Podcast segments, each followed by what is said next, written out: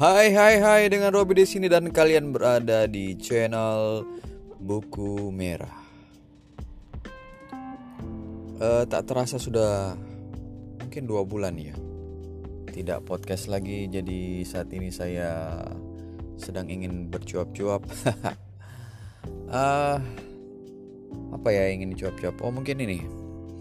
Uh, kita lihat sekarang bahwa dalam posisi IHSG saat ini itu nilainya naik jadi di level 5000 dan pada hari ini tanggal berapa nih? Tanggal 10 Juni itu indeks lagi turun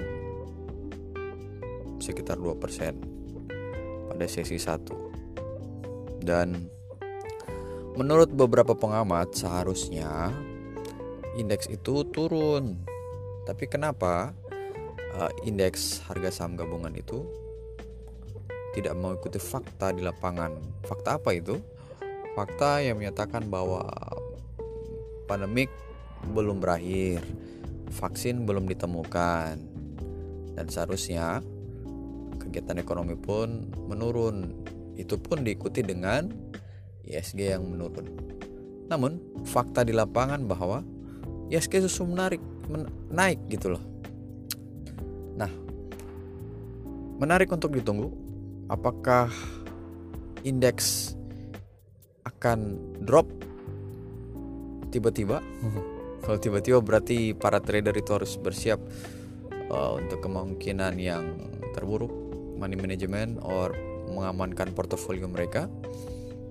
Atau memang IHSG mungkin mengalami penurunan tapi tidak signifikan. Oke, kita lihat beberapa hari, beberapa minggu, beberapa bulan ke depan apakah indeks harga saham gabungan ini akan sesuai dengan uh, situasi ekonomi real dari negara kita dan semoga saya berharap pandemik akan berakhir, uh, vaksin ditemukan, orang-orang bisa melakukan masyarakat bisa melakukan kegiatan ekonominya lagi sehingga uh, roda ekonomi kembali berjalan normal. Oke, sukses buat kalian. Tabe.